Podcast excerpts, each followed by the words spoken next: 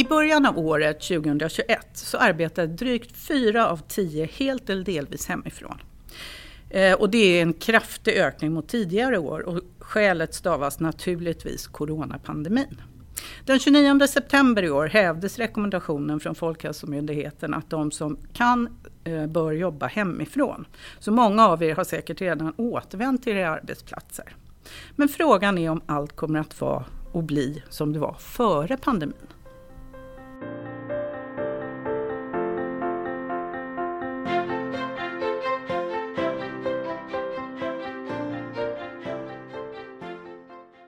Jag heter Anki Udd och är ledarskapsutvecklare här på Ledarna. I det här avsnittet ska vi prata om hybridledarskap, eventuella krav på vaccination och mycket annat som rör livet just efter pandemin. Vad gör du till exempel som chef om Olle som har skaffat hund under den här tiden vill fortsätta jobba hemifrån på heltid? Emil han tycker att alla ska vara på jobbet eftersom det är viktigt för sammanhållningen i gruppen. Och Sabrina hon vill gärna jobba hemifrån ibland men hon har inte förutsättningar i sitt hem för att göra det. Camilla å sin sida har tydligt tagit ställning mot vaccin och Soran han vill inte vara på kontoret om inte alla är vaccinerade. Ja, det här väcker ju frågor och funderingar som vi kommer att vända och vrida på i det här avsnittet av Chefsrådgivarna. Och med mig idag för att räta ut några frågetecken är chefsrådgivare Anna Widing. Välkommen hit Anna. Tack så mycket. Vi kommer också att träffa ledarnas chefsjurist Sara Kullgren som speciellt hjälper oss att reda ut det här om man som chef kan kräva vaccination. Välkommen hit Sara. Tack. Anna, jag vet att du och dina kollegor ni får en del frågor nu från chefer just inför återgången till kontoret. Vad är det man undrar över eller funderar på? Ja, det börjar komma, eller det har ju kommit hela tiden, men det ökar på. Det vi kan se är att det är en stor bredd på hur det här får då konsekvenser och genomslag som ersättningar. Vad har man rätt till kopplat till det här? Om man måste göra coronatester inför resor i arbete.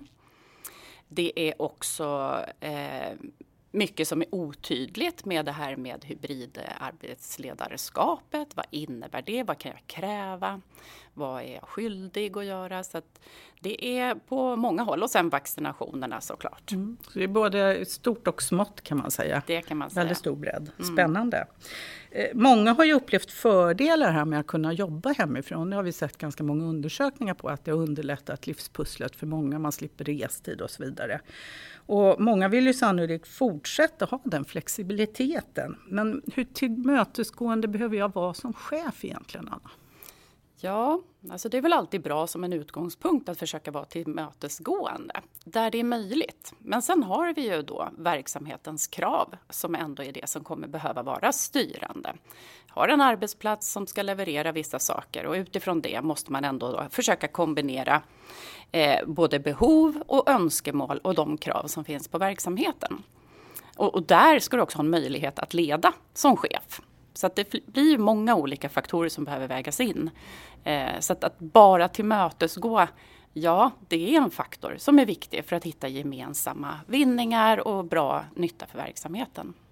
Sen ska vi komma ihåg att det är långt ifrån alla eh, befattningar som man kan jobba hemifrån också. Absolut. Det är lätt att man landar i att nästan alla kan det men väldigt många måste verkligen vara på plats för att eh, kunna upprätthålla verksamheten. Mm. Um, under pandemin så kom det en del diskussioner, vet jag, det skrevs en del om att chefer tyckte det var lite knepigt det här att eh, det kom upp rättvisediskussioner. Varför måste eh, Anna vara på jobbet på plats medan Sara kan jobba hemifrån? Att det var orättvist. Vad, vad tänker du kring det, Anna? Ja, eh, den är ju en, en klurig när man jämför en parameter men kanske inte alla utan då är vi tillbaka till det verksamheten som behöver styra och det är kanske inte alla som ser att det finns skillnader i olika roller och så heller och där blir det ju ett ökat krav kanske nu då där vi kanske kommer ha lite mer varianter på att jobba med den här tydligheten och försöka hantera känslan utav orättvisa. För det är ju som sagt det är svårt, sitter jag i receptionen på ett företag då det är det svårt att göra det hemifrån om man har eh, besök till exempel. Ja, och i många roller så är det tydligt vad som funkar och inte funkar. Men i andra är det inte lika tydligt utan individen kan ju uppleva att det funkar alldeles utmärkt men chefen och verksamheten ser fler behov där man faktiskt ingår som en del av en grupp också. Så dialog, dialog, dialog. Mycket dialog. Säga. Ja, precis. Ja, som i så mycket annat. Ja. Um, det kan ju finnas att eh, någon chef eller arbetsgivare tänker att för enkelhetens skull då, för att slippa de eventuella diskussionerna om rättvisa, tänker att nej men nu gör vi så här, från och med nu ska alla vara på plats alla dagar i veckan. Eh, vad kan det finnas för för eller nackdelar med det, tänker du? Alltså fördelen är såklart att eh, man tar ju bort i alla fall en del utav det här rättvise-orättvise-delen. Det brukar väl sällan göra alla happy eh, så enkelt. Eh, men nackdelarna är ju en hel del nu när man ser den här möjligheten att du kan söka personal på längre avstånd. Du kan erbjuda andra lösningar med att du kan jobba på lite olika sätt och sådär. Så, så kompetens, du når kompetens som inte finns i närområdet. Och det är ju en stor fördel med tanke på hur stora utmaningar många har just med att, eh, kompetensförsörjningen idag. Ja absolut, vissa yrkesområden så är det nästan nödvändigt att man kan nå längre ut än i närområdet för att inte behöva flytta hela verksamheten. Jag tänker också att risken är att med det här bakom oss att man har sett fördelar. Att får inte jag min arbetsgivare att ge mig den här flexibiliteten framåt, ja men då kanske jag går därifrån helt enkelt. Det är också en risk. Absolut, och menar, söker du ett nytt jobb, du tittar ju på alla förmåner och villkor och vad det är som ingår och det där kommer eh, definitivt, och det är frågor vi redan stöter på eh, i när man skriver anställningskontrakt. Där finns det ju något som heter placeringsort. Den har man inte tittat så noga på tidigare, men nu börjar den ju bli mer intressant ah, också. Just det, det ja. klart. Ja. Mm. Men om jag tänker så här, om det finns en förväntan och tro nu framåt att ja, men många kommer erbjuda en större flexibilitet än tidigare. Att man kan jobba hemifrån kanske någon eller några dagar i veckan. Eh, och som den här i exemplet Sabrina här då, i mitt exempel jag tog inledningsvis. Hon vill ju gärna jobba hemma och kanske kommer få det då. Men hon har inte riktigt bra sätt att sitta hemma och jobba. Vad ska jag som chef göra åt det? Ja, eh, så är det ju att arbetsgivaren har ju ingen skyldighet att sätta upp dubbla arbetsplatser utan eh, det är ju så att huvudarbetsplatsen, om det är bestämt att det är på kontoret och hemarbetsplatsen är tillfällig, då är det ju inte så att arbetsgivaren har en skyldighet utan här får man väl igen ha en dialog om hur mycket det då blir som blir lämpligt där arbetsgivaren fortfarande har det totala arbetsmiljöansvaret för de anställda och för att kunna ta det så behöver också vissa förutsättningar vara på plats. Mm. Det där är knepigt, det vet jag många har tyckt var knepigt under pandemin. Just Sara, det kanske du kan fylla i lite också, just att man har ju ett arbetsmiljöansvar men samtidigt kan jag ju inte kräva att du ska göra vad som helst i ditt hem till exempel. Nej, nej men det är ju det, där handlar det ju också om dialog. För, och också så tycker jag att det har blivit väldigt synligt att även arbetstagaren har ett ansvar för sin arbetsmiljö. Och om man ska tillsammans skapa en god arbetsmiljö, då måste man ha en dialog chef-medarbetare.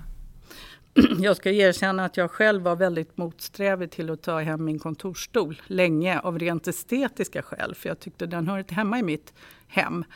Eh, men efter ganska mycket ryggont så förstod jag att nu är det inget att fundera på längre, så jag gjorde faktiskt det. Ja, det ska vi inte berätta för min chef helt enkelt. Ehm, det har skrivits och pratats väldigt mycket om det här hybrida arbetsplatsen och hybrida möten och hybridledarskap. Men vad är det här egentligen? Anna, kan du reda ut vad betyder det egentligen? Ja, här kommer det bli intressant att se vad alla lägger i begreppet. Tittar man i grunden så betyder det att man blandar. Eh, hur man sen blandar de här fördelningen, det finns det ju ingen eh, färdig spes på. Utan här igen är, det ju att hitta för varje företag någon tydlighet i vad det betyder på varje arbetsplats skulle jag tro. Eh, jag kan inte se att det kommer någon färdig mall på detta.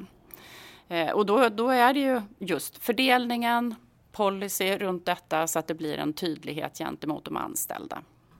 Och när du säger blandningen, då pratar vi om blandningen det digitala kontra det fysiska. Eller blandat former helt enkelt. Ja, blandade ja. former, precis. Ja. Hemma, digitalt, distans, vad vi nu kallar det. Liksom. Men att det blir en blandning av det här. Inte ett sätt alltså, inte en arbetsplats längre. Nej. Sen har jag också sett väldigt mycket skrivande om det här det nya ledarskapet i den hybrida miljön och sådär. Och jag personligen har tänkt så här, nej, vad är det för nytt ledarskap? Vad, vad tänker du Anna? Vad, vad, är det hybrida ledarskapet? Vad, vad är det för något? Ja, men jag tror att eh, det kommer att bli i alla fall en känsla av att det krävs ett annat ledarskap för de som inte riktigt har lett på det här sättet tidigare. Man har ju haft många teorier vad det gäller ledarskap genom många årtionden eller århundraden säkert tillbaka också med situationsanpassat ledarskap och allt vad det nu heter. Och jag vet inte om det kommer bli något som heter det hybrida utan vad det handlar om handlar om att bygga en dialog och en närhet så att du kan leda Eh, vad är det för ledarskap? Du ska kunna leda utan att ha alla på plats och dessutom ska du leda med att kanske ha en del på plats och en del på distans. Eh, och det här är ju inte naturligt om du tidigare har haft alla på plats, sen under en tid alla på distans. Eh, det är nya tekniker som man behöver hitta som funkar för en själv så att man blir trovärdig som ledare och ser till att man får till sig den information och kommunikation som man behöver med sina medarbetare. Eh, har man tidigare jobbat mycket med ögonkontakt, fånga personer i korridorer, då är det en annan teknik man behöver utveckla för att nå på ett annat sätt. Det här är lite spännande tycker jag. Vi har, du och jag har ju pratat lite om det här innan. För jag, jag motsätter mig lite att jag tänker jag tror vi är på samma spår, men vi uttrycker det lite olika tror jag. För att jag tänker mig att nej, det handlar inte om ett nytt ledarskap. Alltså om du bottnar i ditt ledarskap så gör du det från början. Däremot, precis som du säger, det handlar om att nyttja andra tekniker och bli medvetna om dem. Inte minst det här, hur inkluderar jag alla vid ett möte när några sitter på distans och andra här i rummet med mig och sådär. Uh, ja. Vi är tillbaka till vad lägger man i begreppet ledarskap? Mm. Du ska ju kunna leda på något sätt och sen kan man ju kalla att resten är då tekniker. Eh, så visst är det så, men det viktiga är väl att, att alla tar sig en funderare i den här nya nya tiden som ändå ligger framför oss, som sitter som chef. Hur, hur behöver jag leda? Vad har jag mina styrkor och svagheter i, i, mitt ledarskap? Och vad behöver jag kanske vässa på? För att jag tror ändå att det kommer till en förändring för de allra flesta. Även för de som är duktiga på det här så är det ju ändå någonting som verkligen ska etableras och nå ut till. Och sen tänker jag mycket, vi har ju lärt, tvingats på väldigt kort tid lära oss väldigt mycket som chefer att hantera den här situationen. Och den lärkurvan kommer nog fortsätta tror jag om det nu blir fortsatt ökad flexibilitet. Ehm, och jag tror, för att återknyta till vad du sa, det kommer nog finnas något som heter det hybrida ledarskapet. Ja. Ytterligare en ny teori. Det skulle inte förvåna mig faktiskt. Nej. Ehm, så är det här med vaccin och Sara du som är chefsjurist, alltså vi behöver dig här för att det här är en ganska knepiga frågor som dyker upp. Det står allt mer nu i media, kan man se att det är röster som höjs för att vilja införa vaccinationskrav för de som jobbar i vården till exempel. Andra att man ska stoppa nyanställningar av Eh, de som inte har vaccinerat sig. Och I det exemplet jag tog upp i inledningen av avsnittet, det här att Soran inte vill vara på kontoret om han inte är säker på att kollegorna är vaccinerade. Vad gäller arbetsrättsligt, Sara? Kan jag som chef dels kräva att mina medarbetare ska vaccinera sig och har jag också rätt att ta reda på om de är vaccinerade eller inte? Eh, det enkla svaret på din första fråga är att nej, jag kan inte som arbetsgivare kräva att mina medarbetare är vaccinerade. Och det är ju så i Sverige att inte ens samhället kan kräva att eh, alla vaccinerar sig i, vi har ju en, en stor andel av, av, oss som jobbar eh, är ju sysselsatta i offentlig sektor. Och då står det i grundlagen att man är skyldig, skyddad mot kroppsliga ingrepp från det allmänna. Så det betyder att även i rollen som anställd i offentlig sektor så finns det ett, ett hinder för, för arbetsgivaren att kräva vaccination. Så det är grundlagsskyddat? Alltså? Ja, det okay. är det att det allmänna inte kan kräva. Mm.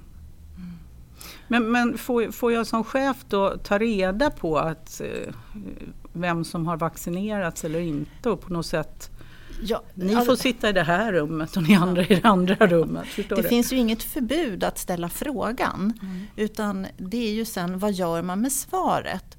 Och då har vi också annan lagstiftning som kommer in, bland annat då dataskyddsförordningen eller GDPR som ju ställer stora krav på för att man ska få registrera att någon är vaccinerad. Så även om man då får reda på frivilligt, eh, får frivilliga uppgifter om vilka som är, eh, är vaccinerade så kan du inte ha något register över det.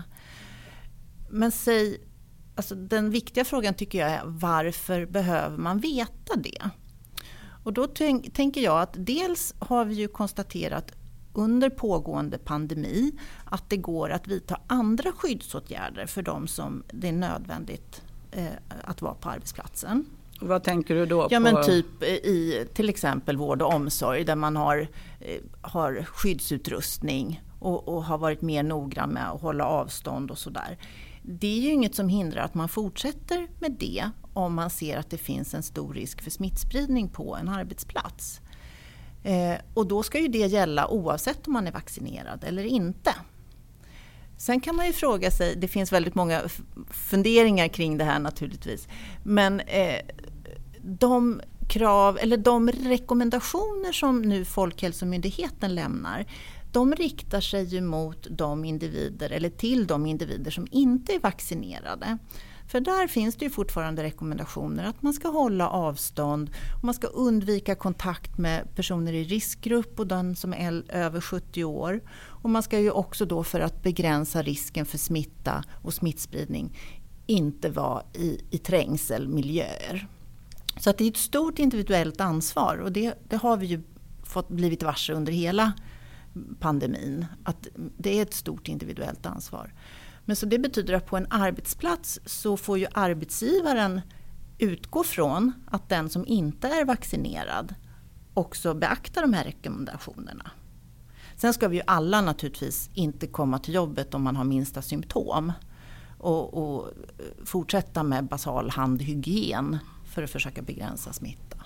Så jag tänker det där måste vara jag tror det är svårt för gemene man att förstå varför det ser ut som du beskriver. För jag kan känna personligen, om jag vore chef på ett äldreboende, säger vi, eh, och så behöver man inte ha skyddsutrustning längre. Eh, och så kan jag inte liksom vara säker på att ha koll på vem som är vaccinerad eller inte och inte få ställa de kraven. Mm. Jag tror många tycker det är ganska konstigt. Ja, och sen det är klart att ur ett arbetsrättsligt perspektiv så, så vet vi ju inte riktigt var de här gränserna går. Men jag har sett en idé från vård och omsorg är att man fortsätter att ställa krav på att alla som arbetar har skyddsutrustning. Men den som kan visa att man är vaccinerad slipper.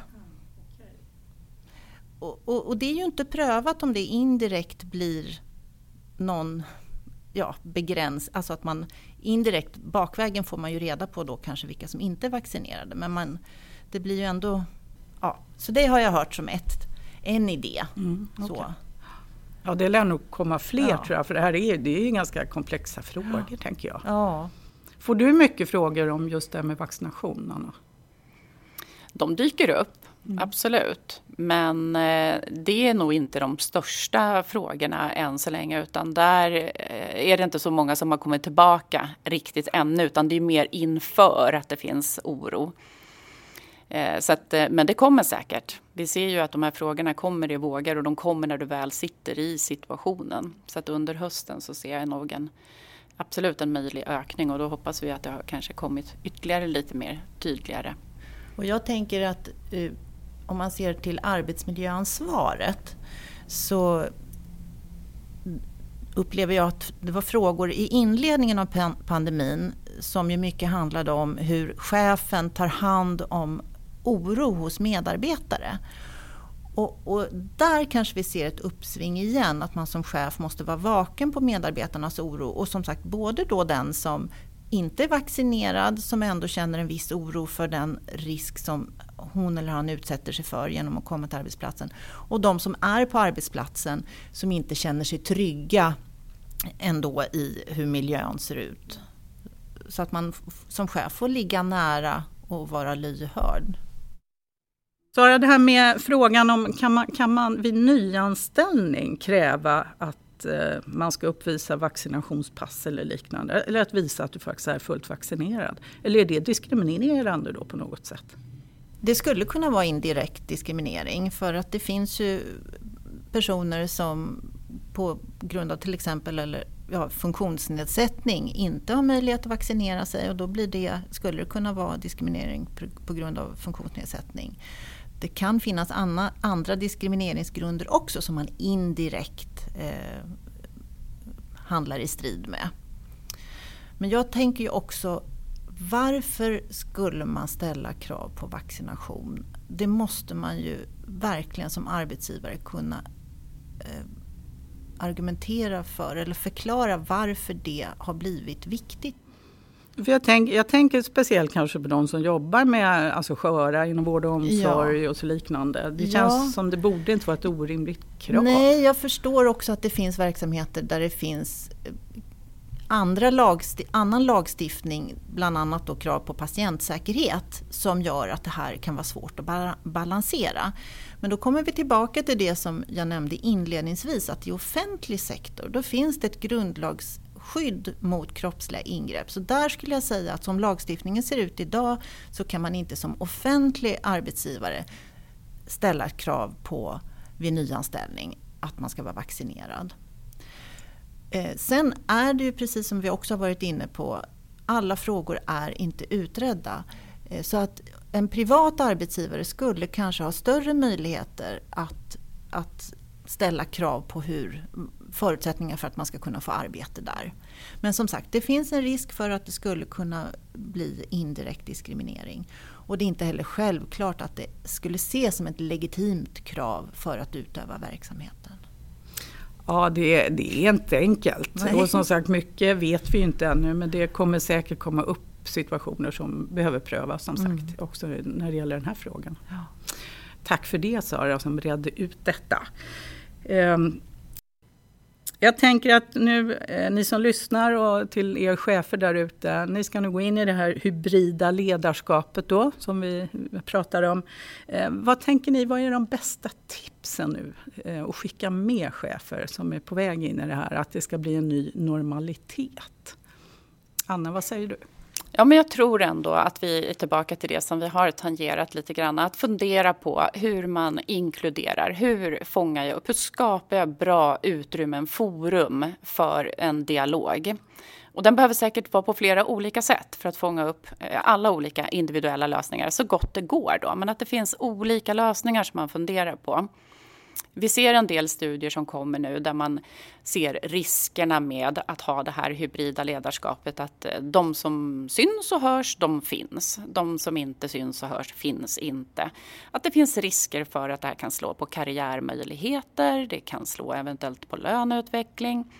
Så det är viktigt, tänker jag, att Eh, Eh, det här är ju ingen sanning, men ändå att vara lite vaksam på hur fångar jag upp och hanterar hela min arbetsgrupp på ett bra sätt utifrån verksamhetens behov och jobba med den kommunikationen, att det inte landar i eh, några personliga önskemål eller, eller orättvisor och hela den här biten. Utan verksamheten behöver och hitta forum för hur lyfter vi då frågor på olika sätt. Jag tror att den kommer att bli en eh, en friskfaktor, om man får säga så. Att kan du fånga upp i tid så är det ju alltid mycket lättare att hitta olika lösningar. Du pratade mycket tidigare om att vikten av att vara nyfiken. Vill du, vad menar du med det? Ja, men jag tycker att det är så viktigt att komma ihåg det. Vi ställs inför utmaningar och chefer i allra högsta grad. Mycket förändringar som ska hanteras och nu har vi ju verkligen både varit i en under en längre tid och den kommer att fortsätta. Men att inte bara se just det här utmaningarna, risker och hot och, och allt som kan gå fel, utan passa på och vara lite nyfiken. Hur kan jag nu plocka fram mina styrkor på ett bra sätt i den här? Alltså det finns ju alla möjligheter här till vidareutveckling. Jag tänker att om man har det mindsetet, att man har lite roligt under den här resan också och verkligen jobbar på men hur kan vi göra det här lite bättre? Så tänker jag att det är en bra kraft att ha med sig. För det kommer säkert att vara stunder som är väldigt knepiga. Eh, men gör man det med lite glädje och lite inspiration och lite inkludering och är lite nyfiken på hur funkar det här då? Och våga testa våga tänker jag. För testa. det är ingen som, det här är ju nytt. Nej, precis. Alla är, alla är nybörjare i början så att ja, säga. Så att, precis. Ja. Så ett, ett, ett litet eh, rop för det. Att ha lite kul, våga och vara lite nyfiken och se vad blev det för resultat? Eftersom ändå ingen sitter med facit. Nej, klokt. Sara, vad tänker du? Vad vill du skicka med till ja, cheferna? Nej, men jag kanske tar då förstås ett mer arbetsrättsligt perspektiv och lite ordning och reda. Och då tänker jag på de arbetsplatser, precis som Anna var inne på, där man i anställningsavtalet har beskrivit var, från vilken arbetsplats man ska utföra arbete. Om man som arbetsgivare för framtiden vill skapa en nyordning, då behöver man ju göra en organisationsförändring och då ska man ju se till att förankra det genom MBL-förhandlingar och sen också skriva om anställningsavtalen så att det framgår att man inte bara har en arbetsplats. Och det får man ju förstås i samverkan komma fram till hur man definierar det. Det kan ju också vara så att även om man i anställningsavtalet har en bestämd placeringsort och ett arbetsställe så kommer man överens med sin chef om att man har en möjlighet att jobba på distans i, ja, lite mer än tillfälligt. Och då tycker jag att det är jätteviktigt att man även där då har en dialog och helst skriver ner vad man kommer överens om. Varför inte göra det tidsbegränsat också så att man har en anledning till att ta upp en förnyad dialog åtminstone varje år och se om det fungerar, om arbetsplatsen är tillräckligt bra, bra på distans. Men sådana frågor som man behöver prata om det är ju om man ska ha fasta tider eller hur man kommer överens om när det är möjligt att jobba eh, på distans. Vem som tar ansvar för arbetsplatsen, vem bekostar till exempel en kontorstol. Ja, eh, ja, det finns många frågor och det finns även bra mallar på, eh, på hur ett distans, vad man ska, behöver tänka på när man ska, ska reglera distansarbete. Mm. Så det, ja, det är mitt tips. Mm. Att det blir tydligt helt ja. enkelt. Och det där tänker jag är klokt att man utvärderar också med jämna mellanrum. Eh, för att både medarbetare och chef får stämma av hur det har fungerat och vad som kanske inte fungerar. och sånt där. Tack för era bra tips. Ehm, det är inte bara medarbetare som vill ha kvar flexibiliteten genom att kunna välja hemarbete några dagar i veckan. Vi på Ledarna har frågat drygt 1400 chefer om hur de önskar ha det framöver. Och av de drygt 1200 utav de som faktiskt kan utföra sitt arbete hemifrån så svarar nästan 6 av 10 att de vill jobba minst två dagar i veckan hemifrån. Även efter pandemin alltså. De främsta skälen är minskad restid och de känner att jobbet blir mer effektivt utfört. Endast 12 procent vill uteslutande vara på arbetsplatsen. Och av de som har medarbetare som har arbete som tillåter distansarbete så svarar knappt en fjärdedel att de endast i undantagsfall kommer att tillåtas arbeta på annan plats än på arbetsplatsen. Så om vi litar till de resultaten så verkar det onekligen som att allt fler kommer att jobba hemifrån i större utsträckning än före pandemin. Jag vill säga ett stort tack till dig som lyssnade och du vet väl att du kan också skicka in en fråga som du vill ha svar på till chefsradgivarna ledarna.se.